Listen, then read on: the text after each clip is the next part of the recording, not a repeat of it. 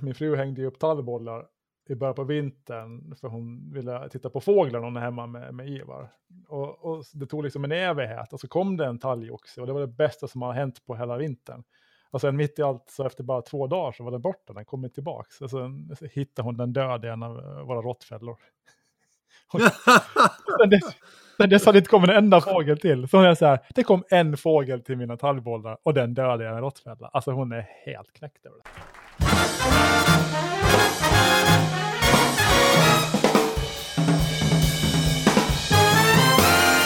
Bra, då säger vi eh, välkomna till avsnitt 19 av Ålands Handel. Och jag som sitter här bakom den här mikrofonen i, i vackra Finström heter Fredrik Rosenqvist. Och på länk från stan har jag Jörgen Pettersson. Hur är läget med dig Jörgen? Det, där är det grått och regnigt och ganska eländigt. Vet du förresten när kalvar blir vuxna nu för tiden? Du som bor i Finström. Uh, nej, oklart. Jag tror inte sett en enda kalv här i Finström någonsin. Men berätta, när blir de vuxna? De brukar säga att man blir covid-19. Okej. ja. Nu har vi satt ribban för detta tycker jag. Det Okej, okay. det, var lite det var lite bättre än det Annie Lööf skämtet med covid-19 som jag har glömt, men det var nog, det var nog på håret. Du, på tal om covid-19. Eh, vi har ju en ny eh, smittovåg på Åland som vi var inne på lite förra veckan. Det är, det är många i karantän, typ 50 procent av vår befolkning sitter hemma i karantän. Uh, det är mycket som ställs in nu och, och vädret är skittrist för att tala klarspråk. Så därför ska vi bara fokusera på goda nyheter idag. Uh, goda nyheter, möjligheter och saker som vi har snubblat över på sistone som gjort oss glada för att lätta upp lite så här i det här ruskvädret och pandemitiderna. Vad säger du om det? Det här är din idé och jag tycker det är en fantastisk idé. För när ingenting ja. egentligen kan bli så mycket värre, då gäller det. När man ligger den stenen ska man hålla ögonen på stjärnorna, sa redan Oscar Wilde, ifall du undrar. Just så ja. Mm. Du, på tal om Oscar Wilde författare, så, så jag läste häromdagen i, i det i att eh, eh, det här gäller väl svenskarna då, men jag eh, får väl anta att det gäller globalt, att vi skriver böcker som aldrig förr. Eh, jag vet att de här förlagen har noterat att det kommer in en himla massa manus nu, som folk har suttit hemma och skrivit på under pandemin då helt enkelt. Uh, bra grejer som kommer in, och inte nog med att folk skriver böcker som aldrig förr, vi köper också mer böcker än tidigare. Så vi både läser och skriver. det här är ju kul. Du som också älskar skrivande och läsande, eller? Det är en jättegod nyhet och det där har också synts i Finland och i svensk Finland för den delen. Folk ja. köper böcker mer än någonsin, men bokhandlarna så har det ganska risigt för ingen får ju komma dit och handla. Ja. Eller ingen, men det är svårare i alla fall än vanligt. Så det har alla möjliga sidor på det där. Det verkar som att det är tryckerier och förlagen möjligen som tjänar pengar. för författare så blir man ju inte jätterik på. Däremot så läste jag också att det som säljer allra bäst är ljudböcker. Uh, som jag aldrig riktigt har fastnat för nu. Jag vet inte, har du gjort det? Men det är ju samma sak som med poddar. Nej, jag, jag håller med där. Jag har haft ett svårt förhållande att börja med, med poddar också, att lyssna på dem. Och ljudböcker mm. så tycker jag blir för långa i, i längden. Jag, jag är mer en läsmänniska än en lyssnarmänniska. Ja. Det är väl där som skillnaden är. Jag vet ju att mm. många tycker om ljudböcker, jag har bara inte tagit dem till mig än. Jag föredrar Nej, jag poddar faktiskt. Ja, nej, men jag föredrar också poddar, för det, jag har lättare att hålla mig koncentrerad med poddar. Man behöver inte vara jättekoncentrerad när man lyssnar på en podd, utan det är som att vara med i ett samtal som man lyssnar på lite på. Sådär. Med ljudböcker så måste man ju vara väldigt eh, koncentrerad för att inte tappa bort sig. Och det är ett problem tycker jag. Dels så alltså, kan inte jag lyssna på ljudböcker när jag kör bil. Eh, och när jag kör bil lyssnar jag mycket på poddar. Och samma sak också, kan jag lyssna på en podd när jag går i skogen och fortfarande var, var, veta var jag är någonstans. Om jag lyssnar på en jord, jord, ljudbok i skogen, då kommer jag slarva bort mig. Då kommer jag liksom att, ja, jag kommer gå till Geta och undra vad fan har jag tagit vägen nu? Ja, men det är precis så där det är alltså. Jag har mm. exakt samma sak. Jag märker att jag förlorar mig i fantasin. Blir det det minsta lilla trist så då flyger tankarna iväg någon helt ja. annanstans. Sen var det roligt att läsa, de, de intervjuar ju då det en massa förläggare och författare och allt möjligt och, och de så här, frågar vad, vad det kan bero på att folk sitter hemma och skriver böcker som aldrig förr. Och dels har det att göra med, med pandemin då, man kanske inte har så mycket annat att göra. Men sen menar de också att många får tid att tänka efter, vad är det jag vill göra eh, i den här tiden jag finns på den här jorden? Och då har man kommit fram till att ja, men, deras dröm är att skriva en bok eller en, en, en diktsamling eller vad som helst. Och det var roligt, det var många som uttryckte just den här glädjen i skrivande och följa en dröm som, som drivande bakom den här trenden. Han här, tror han heter Peter Norman kanske som är vd för ett, ett sånt här förlag som sysslar med egenutgivning sa att han jämförde bokskrivande med, en, eh, med amatörteater. Det är en sorts kulturyttning man gör för att det är kul, inte för att bli berömd eller rik. Och det är roligt, när saker gör folk för att det är kul. Det ska man göra mer av.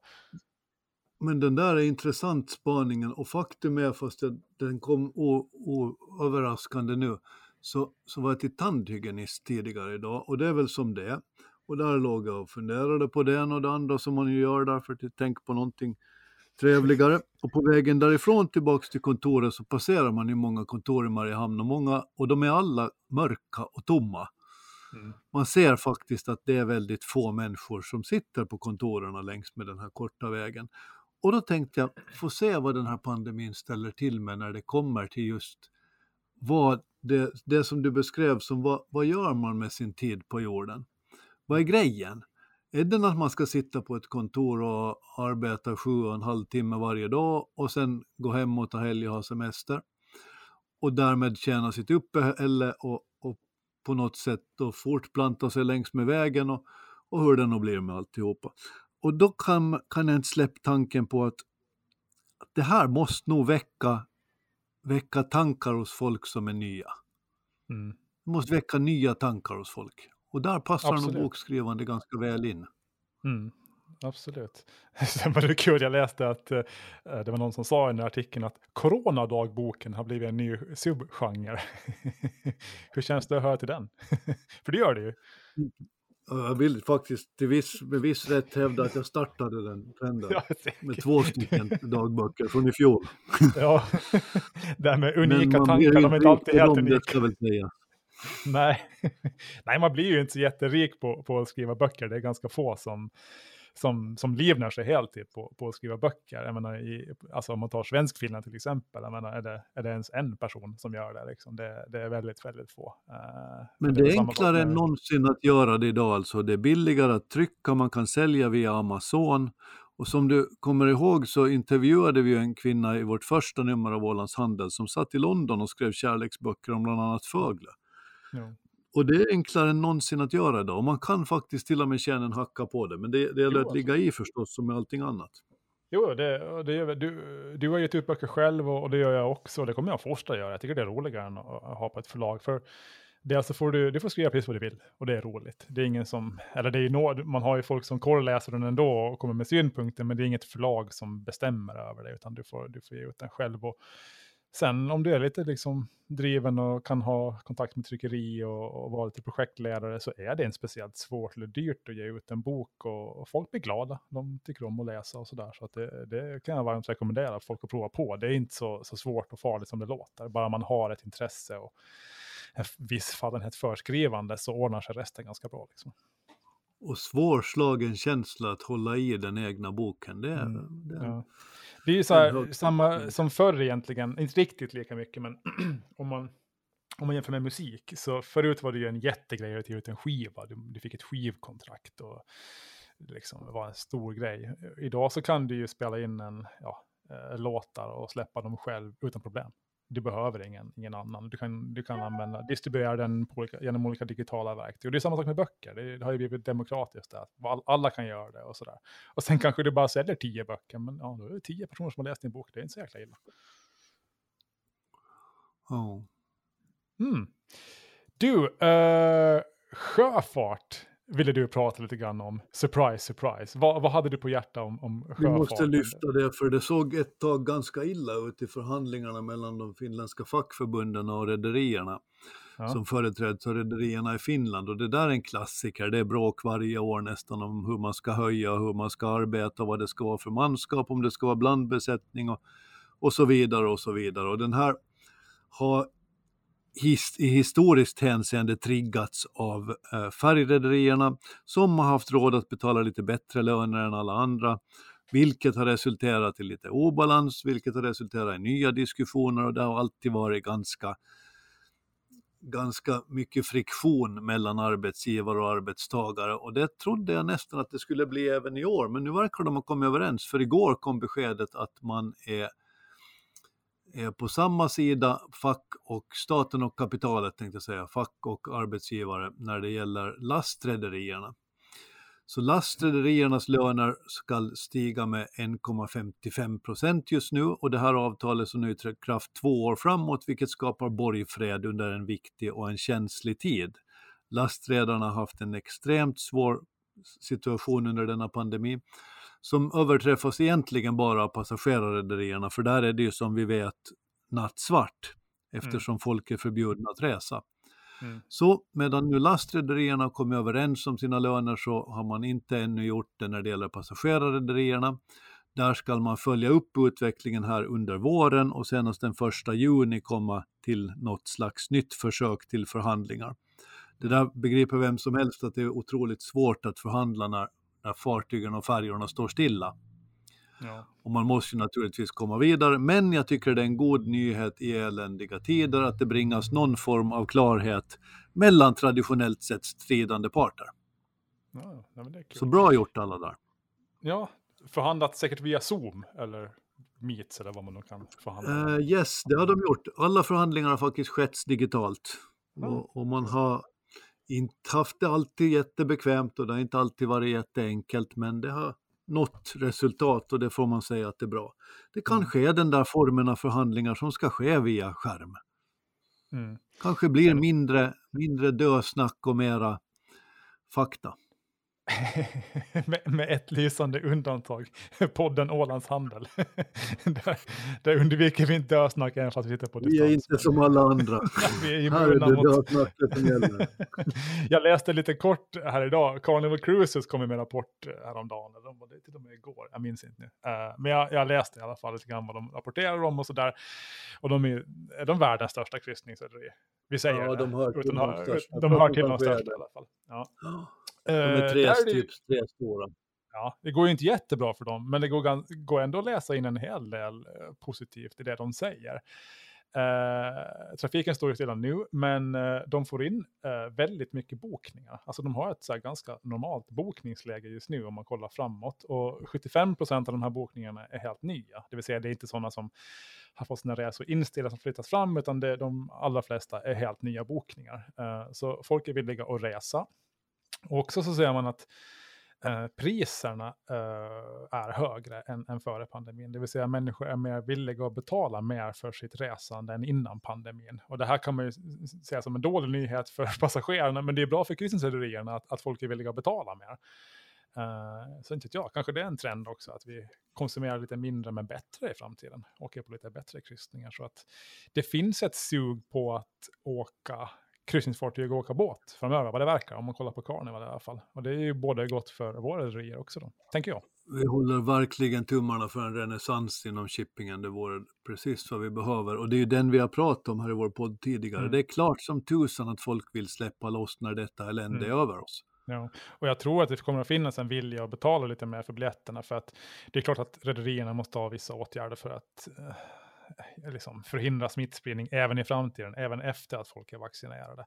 Men jag, och jag tror folk kommer att vara villiga att betala för det helt enkelt. Så att det kanske lönsamhetsmässigt så blir det inget jättestort problem, trots att regeringen måste ta en massa åtgärder. Så att det ser bra ut. God nyhet, nummer ja. ett, nej, nummer två, eller nummer tre kanske. Ja, precis det. Du, eh, en annan god nyhet nu spammar vi goda nyheter här. Uh, Emil Alm, kommer du ihåg honom som vi hade med i, det var det senaste numret Han som sprang halvnaken i Afrika. Han springer halvnaken i Afrika, startar företag på löpande band. Han ska öppna en ny restaurang i stan, och det är stan menar vi Mariehamn då förstås, inte, inte Goldby City utan, utan stan. Uh, och det här blir man jäkla glad På klassisk plats så vitt jag förstår det. På Dixie. Där Dixies fanns i tiderna. Där Dixie Johnny stod och, och, och stekte burgare. Vet du vad Dixies vegetariska hamburgare bestod av? Uh, tillbaka i dagarna. Jag var vegetarian där ett par år. Uh, så jag köpte, efter krogen köpte jag vegetarisk hamburgare. Vet du vad som var i den? Vet du vad som var biffen i den?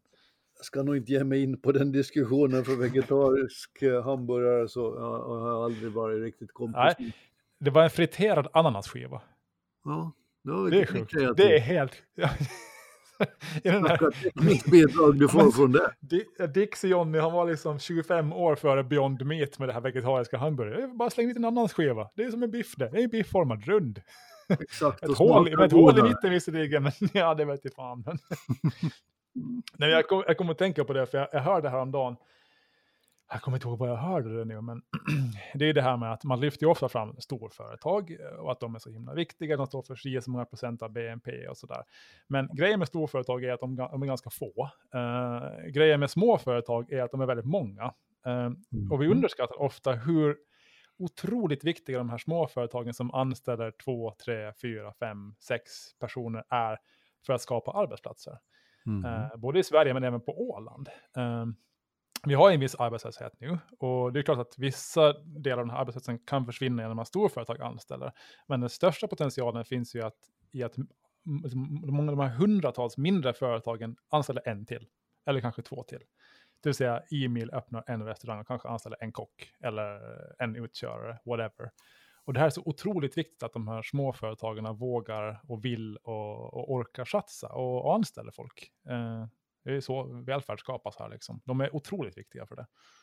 Plus att de är det för, för stämningen i stan, eller stämningen i samhället. Ja, absolut. De tillför ju ett intellektuellt kapital tycker jag som faktiskt är underskattat ofta. Någonting som man mm. ser att händer. Ja. Det är ju många av de här små handlarna och små restaurangerna små kaféerna och små skräddarna och butiker och allt möjligt. Jag menar, utan dem så kan vi ju lika bra stanna kvar i isolering. Företagande och entreprenörskap på riktigt. Ja. Och det tycker jag att det är precis ja. det här. Jag blev jätteglad när jag läste om det.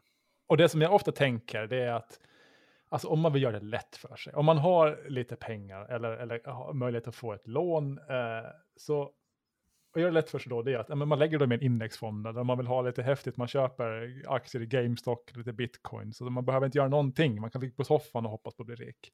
Därför är det så imponerande när folk väljer att investera i sin egen verksamhet på Åland, och dessutom måste de ju jobba också då. Uh, och det här är ju liksom, den svåra vägen, men det är också den roliga vägen och en väg som verkligen skapar tillväxt och arbetsplatser på Åland. Eh, skapar ju ingen tillväxt alls på Åland om jag sitter och köper Gamestop, eh, förutom att jag kanske får lite pengar då som jag kan sätta sprätt på här. Men det är det här som skapar tillväxt, att man jobbar också eh, och investerar. Man skulle bli så glad om vi skulle kunna hitta formen för, för mer förmögna ålänningar att sätta in pengar, arbetande kapital i mm. företag som vill framåt.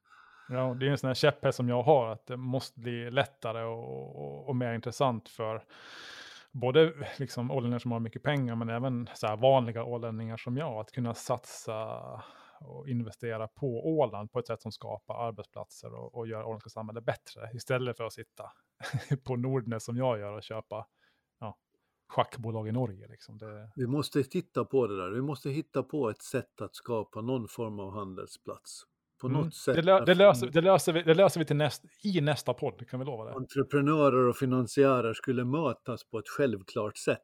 Ja, ja. Mm. Sen ville du snacka lite, lite Mars också. Hur, Men hur, det är omöjligt att låta bli Perseverance. Vi måste ha med den i podden under överskådlig tid. Den landade okay. ju lyckligt i torsdags. Det har, det har flashat förbi i mitt nyhetsflöde att, att den landade uh, på Mars. Det är det enda jag vet om den här uh, Perseverance. Men vad hade hänt mer? Hade de hittat någon marsianer? Berätta. Hur coolt är det alltså? Den, den hissas ner med hjälp av linor på Mars yta. Av en, okay. av en raket då, farkost som hissar ner den här bilen på, på Mars yta. Hur kan en raket hissa ner någonting på en, på en himmel? Ja, det var linor som hängde ner ifrån den här farkosten det låter ju inte så jätteavancerat. Det var väl så man gjorde, byggde pyramiderna för 5000 år sedan. Med, man hissar upp grejer i linor. Med hjälp av raketmotorer. Du vad, vet du, vad, vad, vet du? Jag tänker överklaga din samhällslära eller historielära. Någonting gick det var, väl alien, det var väl aliens som byggde pyramiderna. Det, det vet ju alla. Det har jag sett på X-Files. I varje fall så har de nu börjat skicka hem bilder ifrån Mars och det är ofattbart coolt. Fast jag har ett litet problem med det. Det är kanske risk att man låter lite grumpy. Men, ja. men det ser ju ut exakt så som vi hade förväntat oss. det är ingenting nytt därifrån. Absolut ingenting nytt. Det är, det är kratrar och det är ja. öken och det är... Men vad, vad hade du väntat dig då? Nej, det är precis det. Jag hade förväntat mig, jag hade hoppats, hoppats, hoppats, vet, hoppet. Ja. Att det skulle komma någonting. Men eftersom det var trist så, så, så roade jag mig med att räkna ut hur långt bort det här egentligen ligger. Nu har nog matte aldrig varit riktigt min starka sida, men det ligger 55,8 miljoner kilometer från jorden. Okay. Och det motsvarar då 1394 varv runt jorden. Okay. 1394 varv ska man köra de 40 000 kilometrarna som det är runt jorden för att komma till Mars. Så, okay. jag, jag, jag, kan inte hjälpa det, jag tycker det är ofattbart fantastiskt att man har lyckats med detta. Så kan vi så avslöja nu att... att se på bilderna och, avslö, och, och, analysera dem och se efter liv. Än så länge ser det dåligt ut. Så kan, kan, vi avslöja att det är faktiskt längre mellan jorden och Mars än mellan Pålsböle och Mariehamn? Är det det du försöker säga? Nej, det är ungefär lika tror jag. Ja, ja vi har inte mätt. I alla fall ena vägen, från Mariehamn till Pålsbulle det visar sig väldigt långt i olika sammanhang, medan det från Pålsbulle ja. till Mariehamn är lite kortare. Ja, ja. ja. Nej, Porsböle också... säger man förresten, det måste du vänja dig vid om du ska bo där ute. Porsböle? Porsböle. Jaha, ja okej. Okay. Ja, ja. Nej, man är... jag sitter, sitter i isolering ute i Finström, så jag träffar inga finströmmar riktigt. Om man inte räknar de här talgoxarna. Men sen, rymden är faktiskt ganska coolt. Jag, jag, jag har som projekt att läsa på lite grann mer om, om rymden. Eh, man eh, säger framför mig att vi ska börja använda eh, rymden mer eh, i framtiden än vad vi gör nu. Vi använder ju och har ju använt rymden ganska länge redan, satelliter och det där. Men det är ganska mycket projekt på gång nu som, som ska utnyttja satelliter på ett annat sätt. Uh, vi har de här Elon Musk Starlink till exempel som skjuter upp satelliter där vi ska så att säga få vårt internet och vår bredband och mobiltelefoni eh, från satelliter istället från, eh, uh, heter det mäster i plural? Det gör det va? Mobiltelefon, mm. och, och bredbands och fiberkablar i marken, utan vi ska surfa satellitvägen istället. Mm. Det finns ju även svenska bolag som sysslar med det här. Svenska Ovzon till exempel. Jag är ju sjukt nyfiken på att researcha nu, så att det här med rymden, det är, det är coolt. Eller hur? Men det är det och det är inte alls så high tech egentligen. Man ska minnas att man flög till månen då 69 och det är bara 12 gubbar som har gått där så det är inte så många mm. egentligen. Men 71, alltså två år senare, så sköt man upp en satellit som heter Prospero. Mm. Och, och den finns fortfarande kvar i omlopp. Mm. Ja. Får jag gissa man... att slitaget där ute är väl ganska litet då, om man inte får en meteorit i skallen förstås, men annars så. Nej, Nej och sen täckningen blir ju ganska bra. Länge om, om, du vill att, om du vill att alla ska ha täckning, vi ska ha Zoom-möten mitt ute i, i Finströmskogen eller i mörkaste Afrika, som om vi har det via satelliter istället för ja, mobilmaster eller, eller fiberkablar, då blir det betydligt enklare. Så det är väl det som man ser att stor del, av världen kan hoppa över det här utbyggnaden av ja, fiber och mobilmaster och sånt. Och istället, att man kör satelliter istället. Då. Så det är lite coolt. Så är det, det där är en fantastisk vetenskap. Jag träffade en gång en man som jobbade för BBC World och han jobbade som tekniker och ägnade sig åt att studsa radiosignalerna mot atmosfären och vidare till nästa mast. Mm. Så om någonting sändes från London så kanske de plockar ner det vid Saint Helena eller någonting och så studsade de över Afrika någon ställen så att det kom vidare mot Australien. Det var ett helt fascinerande eh, jobb som han beskrev. Hur man räknade mm. ut den kortaste vägen för att dessa radiovågor skulle studsa vidare. Mm. Och det slipper man ju med på satelliter för då hade man andra. Ja. Annan teknik. Men det är ju det som behövs för att man ska kunna, om man utgår från att jorden är rund, vilket allt fler gör, så, så, måste man ju ha ett, en teknik för att komma runt det med signalerna. Ja, ja. ja när som ett par år då kommer alla att snacka om, om, om rymden, inte om bitcoins eller sånt länge. Så att, jag vet vad ni hörde det först också. Finns det något det... som man riktigt kan investera i idag? Alltså något sånt som är, verkligen har en tydlig målsättning? De här som ska lansera rymdturister och grejer. Uh, de här Virgin och sånt. Jo, det finns. Jag, jag letar efter så här, alltså en ETF, uh, eh, ex, alltså börshandlade fonder. Det finns en, som, en börshandlad fond som investerar i just rymdbolag. Vet du vilken förkortning den har? De här ETFerna har ju alltid jätteroliga förkortningar. Space shit. Nej, UFO. UFO. Så den, fonden har förkortningen UFO ifall ni letar efter den. Covid-19. det, är skitroligt. Nej men det finns mycket sådana som, som bolag förstås som tillverkar satelliter och, och allt sådär. Så att ja, kanske vi kan börja på Åland. Det skulle ju vara lite kul. vi måste gå vidare. Du säger att elbilar är roliga. Nej, men vi ska ju prata mer rymden. Jag känner mig redan sömnig. Ja, okej. Vi ska ju prata mer yttre rymden. Det, det, var, det var någon meteorit. Vad, vad var det du skulle jag prata om? Jag tänkte ta sen efter att du berättade lite om elbilar, för man kan inte bränna allt rymdmaterial med en gång. Aha, okej. Okay. Jo, precis det. Vet du vad en SPAC är för någonting? Lite. Va? Jörgen, vet du vad en SPAC är? Nej, jag vet inte. Nej, SPAC känner jag inte till. Nej. Uh, jag ska inte uttala den här förkortningen på grund av att jag får bannor från min engelska då, men det är en sån här blank check-fond brukar man kalla det för, en, en, eller en blank check-bolag, en, en, en aktie som eh, ett bolag som bara består av kontanter men är börsnoterat. Och affärsidén är i framtiden att köpa upp ett privat bolag och på det sättet ta in det på börsen.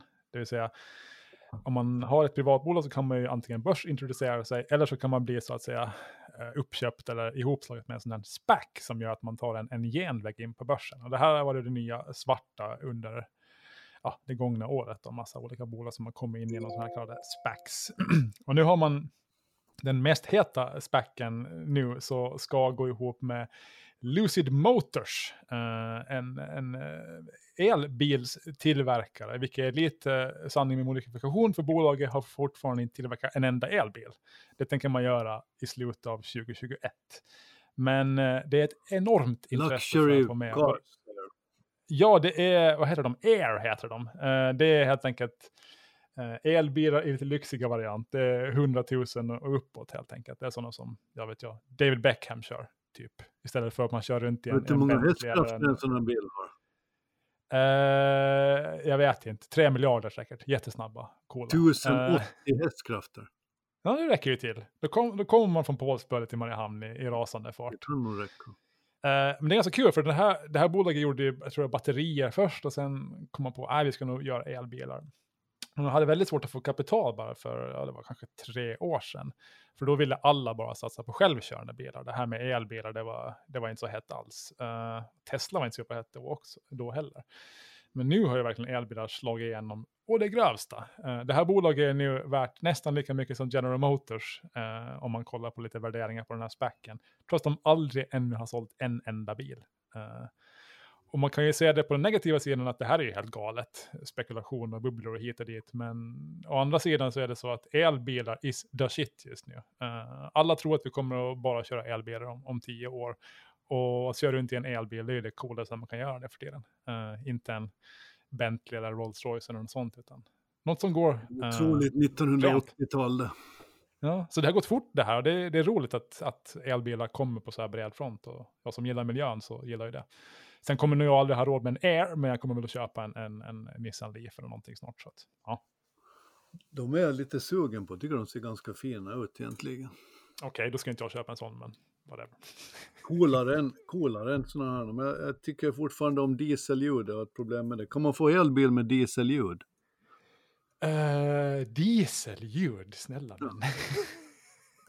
när, man, när det nog inte blir V8, det är ju det som har varit drömmen ja. alltid. Men det ja, jag tänkte som du var för några år sedan, jag gillar ljud och sådär. Men nu så, ja, det, känns, det känns så 2019 att köra runt i en bil som låter alltså. Brummar. Mm. Nej, lägg ner det. Bra spaning. Elbilar ja. är the shit. Yes, men nu lite yttre rymden och meteoriter. Jag måste ta en till. För alla ni som inte vet vad en bolid är för någonting så är det en meteor som inträder till jordens atmosfär och bryts sönder och ungefär exploderar. Det här hände den 7 november i fjol och den kunde ses från Åland. Den slog ner över Uppsala-trakten, Upplandstrakten någon ställe. Den bröt sönder och man uppskattar att den var väldigt stor. Den vägde uppemot eh, 9 ton och var en kubikmeter stor, alltså det var en jättemeteor eller bolid, rymdsten. Och, och ända sedan dess så har forskare sökt, de har gått genom skogarna och finkammat varenda buske för att leta efter en av dessa rymdstenar som man fattade att eftersom den bröt sönder i atmosfären så måste någonting ha ramlat ner i, i marken. Och nu har man hittat en sån här sten som kommer att kallas för Ådalen meteoriten i mm. Uppsala-trakten hittar man den och man skulle inte ens ha hittat den om det inte var så att den slår ner på en slags mosse och lämnar en stor räva efter sig. Så de som kom där och såg rävan tänkte hmm, vad är detta?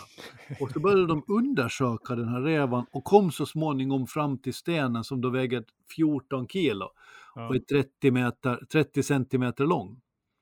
Och det här är en otrolig story. Tänk den där stenen har då färdats genom rymden i kanske 10 miljoner år eller kanske 100 miljarder år eller någonting. Ja, något. Och så kraschar man i Uppsala. Jävla öde. Tänk, tänk att man skulle landa i Torrbollsta istället och blivit Torrbollsta-meteoriten. Ja. Och tänk vad, vad lite som kan skilja framgång och inresande och turism och storytelling mellan Uppsala och ta nu Torrbollsta då till exempel. Det är 300 kilometer däremellan, vilket inte Mm. Ja. är särskilt mycket om du har färdats i 10 miljarder ljusår. Ja. Och ändå så landar de där istället för här. Där var vi väldigt, väldigt, väldigt nära att få space fame. Ja. Vi missar chansen. Ah, Och det är Space inte en så, god, så god nyhet, men för Uppsala så är det en god nyhet. Och jag tycker Ja. att alla som bor här, så sen när gränserna öppnas så borde fara dit och säga att denna, denna sten, den kunde varit vår. Du, två grejer. Du sa väl torrborsta? För så heter det, har jag förstått. Det heter torrborsta, men jag Torrborsta. tänkte att eftersom jag nu pratar med en inflyttad stadsbo som lever i Finström så, så uttryckte jag det på den så kallade Oxford-varianten. Ja, ja, okej. Torrborstad. Nummer två. Jag, jag, tror, jag hörde någon sån här arkivpärla i Ålands Radio för ett tag sedan, tror jag det var. Finns det inte en teori om att lumpan skulle vara resultatet av någon sorts meteoritnedslag i förhistorisk tid? Jo, så säger man. Man kan se det om man ser på Åland uppifrån så ser lumpan ut som ett jättestort eh, meteornedslag. Mm. Det, Kan, vi inte ha, kan vi inte bara bestämma att det är så, så, så snor vi de här turisterna från Uppsala? Vad ska de med turister till? Det finns väl ingenting i Uppsala, tänker jag. nej, det är sant. Nej. Rymdturism till inte Åland. lätt såld egentligen. Vad sa du? Lumpan är inte så lätt såld. Det var. Den är lite för stor och lite för ogripbar för att det ska... Man borde i sådana fall hitta olja där eller någonting, det kanske. Nej, men olja, det är ju så ute. Jag har precis pratat elbilar med dig. Olja, låt den ligga i marken. Mm. Säger det. Vi måste fundera lite till på det där. Mm, så är det. Sen ville du prata andra poddar, eller? Ja, jag bara måste säga det. Tänkte Ja. på pandemitider och goda nyheter så är det ett utmärkt läge för att lyssna på andra poddar. Förutom denna då, som av många placeras som de, bland, bland de högsta på alla listor, så finns det också andra som kommer sen och några av dem så ger Sveriges Radio ut. I morse så tog jag en lång runda extra på väg till kontoret promenerande för att lyssna på P3 Musik dokumentär. Det handlar den här gången om Whitney Houston och hennes färd genom livet. Det är väldigt välgjorda program detta. Väldigt välgjorda.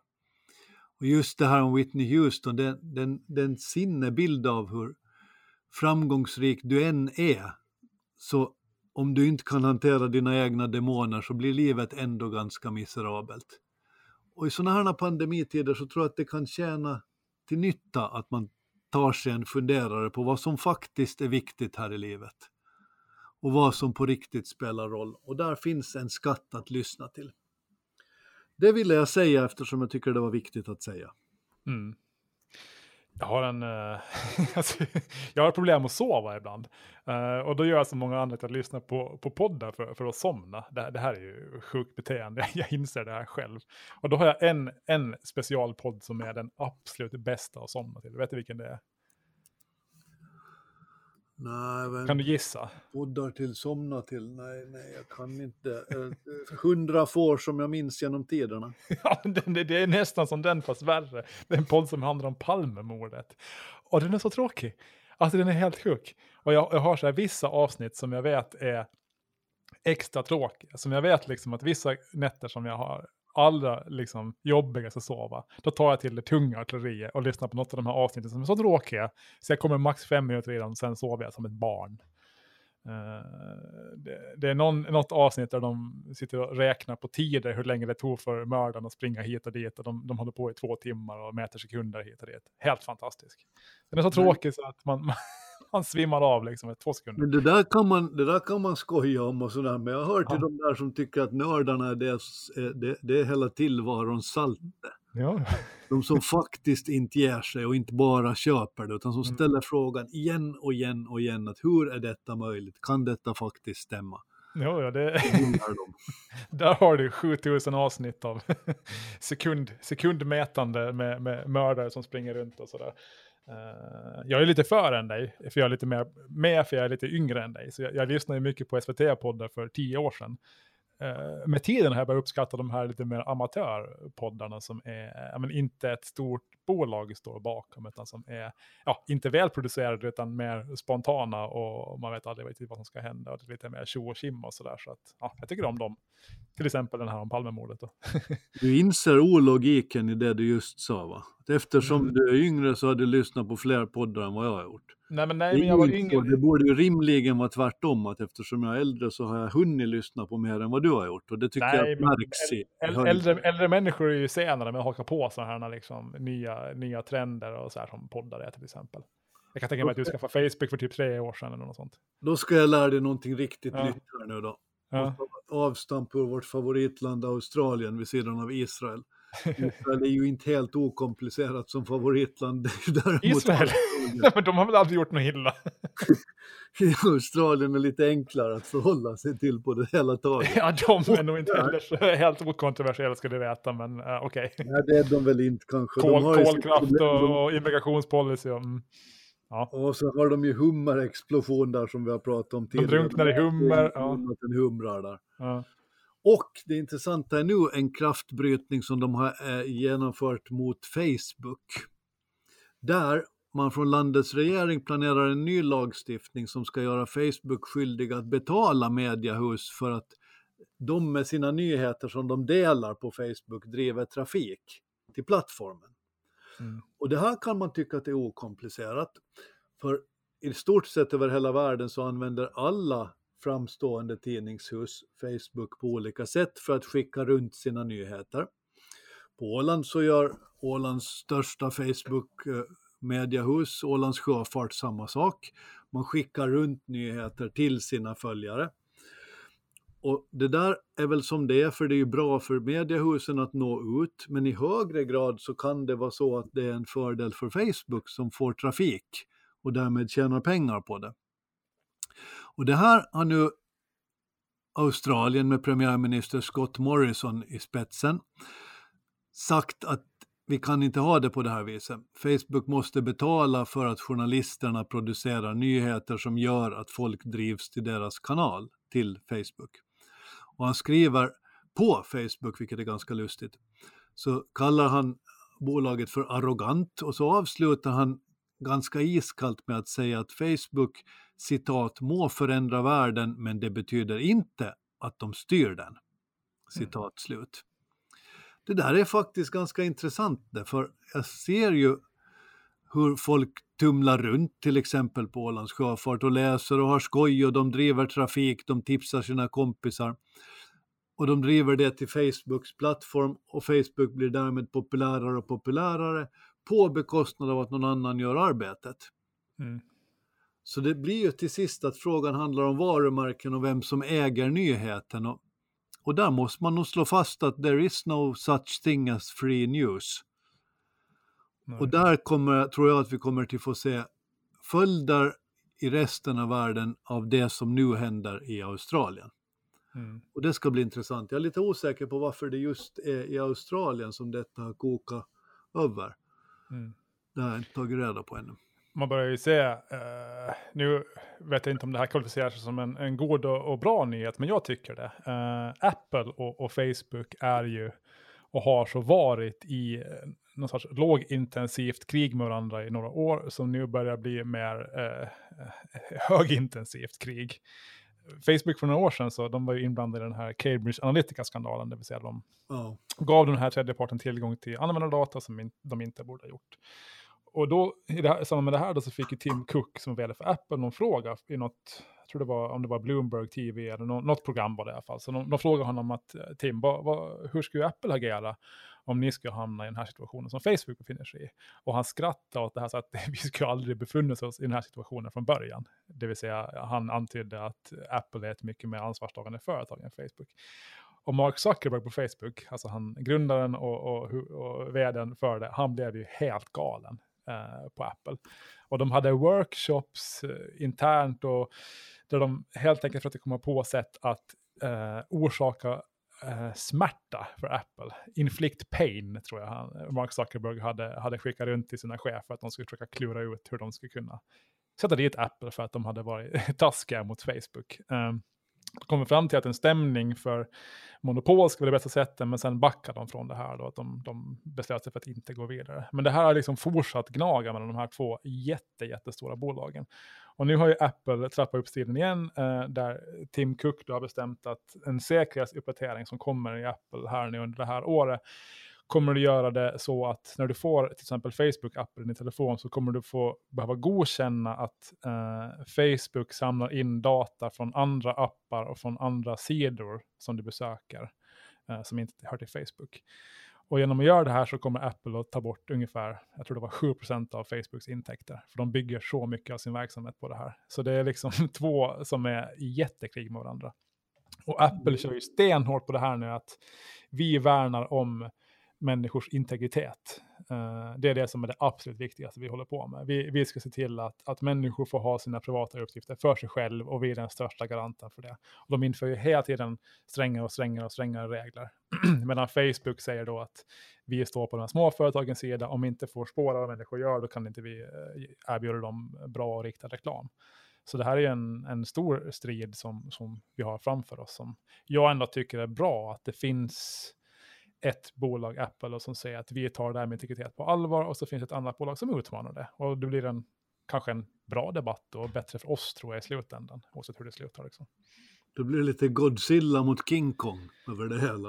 ja, det är lite grann, det är lite underhållande. Du betraktar det hela vad som händer. Ja, när liksom Tim Cook och Mark Zuckerberg har got it in for each other, man tycker att det är lite kul. Det är som när Steve Jobs fick nerverna på Adobe.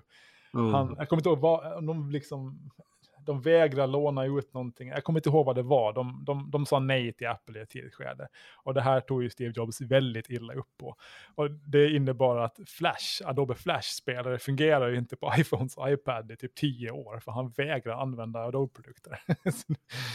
men, äh, men det är liksom kul att det ändå sker en utveckling, att det rör på sig. Jag menar, folk tycker väl att det som vi har det nu är lite sådär, ah, vi kanske delar med oss för mycket av data.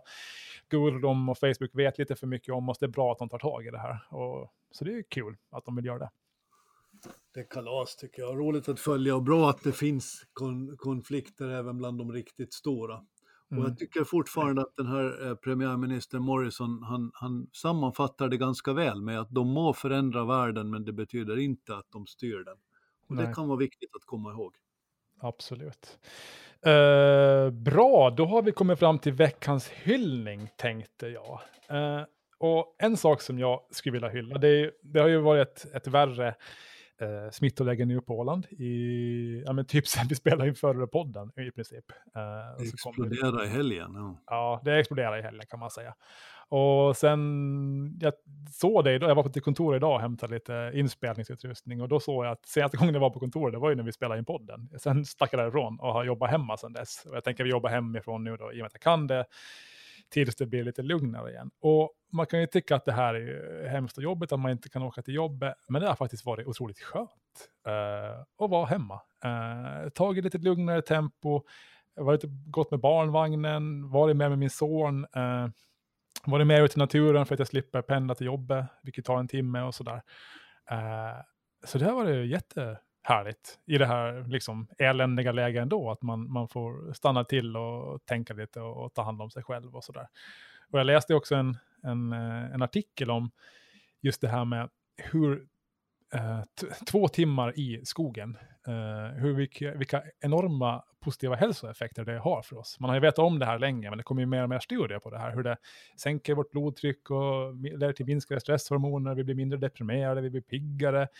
Uh, vi löper mindre risk att få cancer, vi får minskade inflammationer i vår kropp och allting. Och att, liksom, om du går ut två timmar i skogen så, så håller de här positiva effekterna i sig alltså minst en vecka efteråt. Och det är ju så här, vi håller på liksom med massa vitaminer och hälsokost och allt möjligt. Men, ja, men ta en promenix i, ute bland träden och i buskagen så eh, har enormt positiva effekter. Det är kul. Det känner jag av tycker jag nu, sådär.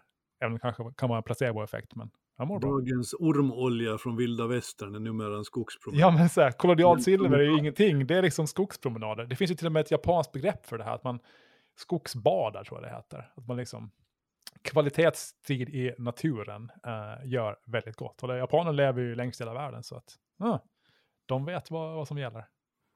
Ut i skogen med alla. Ja, och därför är det så kul med poddar, för de kan faktiskt lyssna på om man går i skogen. Det är bra att inte lyssna på någonting också när man går i skogen, men om man vill ha lite sällskap på sin promenad om man är själv, då kan man alltid lyssna på poddar. Till exempel Det motsvarar ju något sådant antal stegådes gissar jag. Ja, men just det. Din veckans hyllning, det var någonting med steg, eller? jag förstår att en skogspromenad eh, var, var, ungefär lika bra som 10 000 steg. Ja. Och då tycker jag att det är skoj att man säger så, för jag har ju såsat in mig på det här på något sätt. Jag tycker det är en ganska bra värdemätare hur många steg ja. man får ihop på en dag om man rör, rör sig överhuvudtaget. Ja. Och nu har jag räknat ut att per idag så har jag över 16 000 steg per dag under hela det senaste året. Bara i februari så är det mer än så. Mer över alltså 20. menar du kalen det senaste kalenderåret? Alltså kalenderåret. Okay. Kalenderåret. Det senaste ja. året, senaste 12 månaderna. Helt galet. Ja. Och det är ett otroligt sätt att hålla sig frisk och stark och trevligt samtidigt. Mm. Och därför så är det nu, vill jag hylla min promenadpartner och hustru Helena som är med på alla dessa promenader nästan jämt och att hon orkar lyssna till utläggningar som denna dag ut och dag in. Du kan ju själv tänka dig hur det skulle vara. jag tror, det, jag tror de här utläggningarna för dig, det förtar det positiva effekten av alla de här stegen. Men okay. Men det var tur att du sa det, för du som fiskar mycket där i Ivarskärsfjärden, ja. vet, du, vet du hur man vet att ett fiskenät är från Grekland? Uh, jo, det vet jag. Det är någonting med siki. Nej, vad, vad, det är tzatziki. Det är tzatziki, ja just det. Vet du vad, jag var och tog upp mitt, eh, mina nät igår på Ivarskärsfjärden här på isen. Jäklar vad nervös jag var. Det kändes som att hela isen gungade. det var, har, jag var livrädd. Du har nät i nu? Nej, jag tog upp dem igår. Var en himmelens tur då. Det blir ja, det var... att göra podd ensam här hör det, var en, det var en alltså det var helt hemskt. Min fru stod på stranden med, med lilla Ivar och kollade att jag inte skulle trilla i. Och jag var där ute, det kändes som att det gungade under mig. Men du, jag har en jäkligt rolig grej om det här med Ni satt på, stå på stranden och för, för att få se på första parketten pappa går ner sig i isen. ja. ja, men det gick bra, jag är här nu. Och det skulle... fostran över det där. Ja, det blir skik ikväll tror jag. Men du, jag måste bara ta det här med tidssteg. Du vet att det är en myt va? Vilken då? Nej men att det här, alltså vet du, 10 000 steg, vad, du, har, du har hört det där att man ska 10 000 gå steg, det är ingen myt. Jo det är en myt, vet du var det kommer ifrån? Nej. Det var eh, den första stegräknaren eh, lanserades till eh, OS i Tokyo på 60-talet, jag tror det var 64. Eh, stegräknaren är en japansk uppfinning. Eh, och det här bolaget, eh, de döpte sin stegräknare till 10 000 steg. Och orsaken till det är att det japanska tecknet för 10 000 ser ut som en gubbe eller gumma som går. Eh, och det är från den här eh, stegräknaren som hette 10 000 steg som den här myten om att det är jättebra att gå 10 000 steg är liksom att alla känner till det här. Det är bra att gå, men det är inte så att det ska gå exakt 10 000. Du kan gå 4 000, du kan gå 40 000. Det, det viktigaste är att du rör på det. Det här 10 000 steg, det, det, det handlar om ingenting. Det är bara liksom ett, ett namn på en stegräknare. Men du Fredrik, du ja. tycker inte att du överanalyserar det här lite nu? Nej, men, nej, nej, men alltså, det måste det vara bättre att gå 10 000 steg än till exempel 9 000 steg. Jo, jo, men det finns ingen anledning till att just 10 000 steg är bra. Det är bara en reklamgrej. Det är så här, varför pratar alla om 10 000 när man ska gå 10 000 om dagen? Det, för det, det, är enkelt och för att man kommer ihåg det, är inte det bra det då? Jo, men det, det är en helt så här god teknik. 9762, då ska ingen människa komma ihåg det. Alla bara, var det, vänta nu, var det 9763 eller nej, två, nej hur var det nu? Ja men det är så här god teknik, det är så här, du ska springa, du ska springa 3,5 km om dagen, jaha okej okay, så. Jag, ingen, tror måste, jag, tror du måste plocka fram Palmepodden ikväll. Ja. Det, och det, här, och det här var ett känsligt ämne. Men du, du, du, du, förstår, nu. du förstår nu att det är, ingen, det är ingen forskare som har suttit och funderat så här, vad är det optimala antalet steg gå på en människa för att maximera hälsoeffekter och sådär. Jag bara, mm, det är 10 000. Bara, nej, det är en helt godtycklig siffra. Det, det kunde ha varit 50 000. Så. Jag vet ju att det är 10 000, jag läste på internet. Ja, du, får, du får googla på det här till nästa gång. Så alla ni där ute, om ni går 5 000, det är helt bra. Man behöver inte sikta på 10 000. Men det är mindre än 10 000, det ska ni ha klart för er. Ja, det är precis samma sak som där, jag tror det stod i artikeln där, att man måste ägna 10 000 timmar åt någonting för att bli bra på någonting. Det är också så här, men, det är också helt orimligt. Så här. Det beror på. Taskigt när man har hållit på i 9900 och tycker att man kan det hyggligt och alla bara nej. ja, men det, är här, men bara, det är som att ja, men om du gör någonting tillräckligt länge så vet du att du är bra på det. Nej, det är inte allt. Alltså, jag, jag ska kunna springa 10 000 timmar, jag ska aldrig bli bra på det. Så att, ja. Super, nu såsar ja. vi in ganska mycket idag, men hyllningar i alla fall var det genomgripande röda tråden. Ja, så hoppas ni tyckte det var kul och så får vi väl tacka för oss den här veckan då. Nästa gång så kommer vi tillbaka med ett avsnitt där vi bara sågar saker, eller? Nej, det väntar vi Nej. lite med. Det får andra sköta, det gör de så bra. Så bra. Ja. Vi är till för att visa folk den rätta vägen i en mörk tid. Mm, lite, som, lite som en japansk stegräknare, man, man håller koll helt enkelt. Vi är din japanska stegräknare i verkligheten. Absolut. Bra, då, då säger vi... Slogan, slogan klar. Då har vi slogan klar. Bra, tack och hej Jörgen, så hörs vi om en vecka. Tack och hej. Tack och hej. hej.